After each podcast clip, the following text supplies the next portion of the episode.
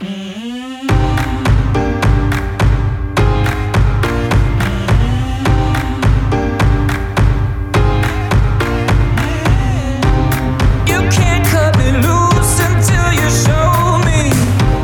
I ja el tenim aquí, ja tenim l'últim episodi d'aquesta segona temporada, que també estarà formada per quatre capítols, com la primera, però això sí, amb temes més extensos, que els hem pogut repartir també amb aquests eh, capítols, amb aquests episodis, que de ben segur doncs, han estat complementaris un rere l'altre. I avui, doncs, dins del món de la fertilitat i de la seva nutrició, evidentment, perquè ja sabeu que el podcast d'on traiem eh, l'energia vital, doncs, eh, vaja, va càrrec de la nutricionista tordarenca, la Marina Sala, doncs ens acabarà de també completar el tema que ja vam eh, avançar en aquesta tercera part.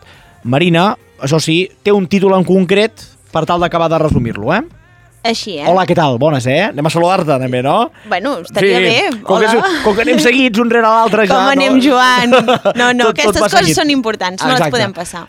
Va, com el titulem aquest uh, últim episodi? Però bé, Sí, bé, bé. Sí, home, estem amb, estem amb tu. Per tant, com que estem amb tu, que ets maco. podem estar doncs bé. nutrients Va. que milloren la fertilitat femenina, l'hem titulat així. Començarem parlant de l'àcid fòlic, la vitamina B9 i la vitamina B12. Les vitamines del grup B, recordem sobretot que les vitamines del grup B no s'absorbeixen mentre prenem anticonceptius. Important. I ens fan retenir eh, líquids aquests anti anticonceptius. Llavors ens haurà de passar almenys uns 6 mesos, un any, per realment netejar tota aquesta càrrega hormonal eh, procedent dels anticonceptius. Com us deia, la vitamina B9 i la B12 són necessàries per la divisió celular i per evitar possibles problemes en el tub neural de, del nadó. La ingesta de vitamina B9 durant l'embaràs s'hauria d'anar augmentant amb 400 micrograms al dia i podrem obtenir-la també a través de la nostra alimentació, no només suplementant-la amb comprimits, que podem trobar a la farmàcia o a l'arboristeria perquè és natural i ja ho tenim integrat, simplement hi ha més necessitats en aquests moments eh, bueno, de gestació, d'embaràs o quan volem preparar el nostre cos per gestar. Bé, doncs eh, són procedents, sobretot, com us deia, la vitamina B9 de la fulla verda fosca, de la, dels fruits secs i dels llegums. A diferència de la vitamina B12, que la trobem sobretot en les proteïnes d'origen animal, com la carn, el peix o els ous. Després necessitarem també una gran dosi d'antioxidants, perquè aquests radicals lliures produïts per l'estrès oxidatiu, recordem que l'estrès ens oxida i ens deteriora, doncs el cos eh, bueno, se'n veu afectat considerablement i sobretot aquesta fertilitat femenina de la que parlàvem. Llavors és important també aportar, sobretot a través de l'alimentació, vitamina A, vitamina C, vitamina E, presents sobretot en les fruites, verdures i greixos saludables. Per exemple, l'advocat, que és un greix mm, saludable. I ajudem, ajudem sobretot a disminuir aquest procés d'oxidació del que us parlava, a més de que són necessàries per al desenvolupament de la placenta. És clau perquè aquesta placenta tingui una bona qualitat i bueno, mantingui aquest nadó durant aquests nou mesos. Després també necessitem el ferro. Durant l'embaràs eh, les necessitats de ferro van augmentant i, i van augmentant progressivament. Llavors, trimestre a trimestre de l'embaràs hem d'anar canviant també eh, aquesta alimentació i augmentem també el número de quilocalories, sobretot l'últim trimestre de l'embaràs. L'augment del volum sanguini serà, serà directament proporcional a aquest ferro que mm, t'ho aportarà. Si no, podem tenir una mare anèmica amb les conseqüències que això comporta. L'alimentació i, i el risc de- d'abort doncs, va molt lligat. Una malnutrició, en aquest cas, ocorre quan la mare té eh, baix pes, dèficit de vitamines i o minerals. També eh, el sobrepès o l'obesitat eh, bueno, augmentaria directament la, la, la possibilitat de tenir un risc d'avortament. Les gestants diabètiques tenen dues o tres vegades més, rics, més risc de presentar complicacions durant l'embaràs. Eh, són normalment bueno, mm, avortaments espontanis, malformacions congènites, preeclàpsia i altres complicacions. Els nutrients que milloren la fertilitat masculina són sobretot els antioxidants, la vitamina A, la vitamina C, la vitamina E, el seleni, el zinc i també l'àcid fòlic.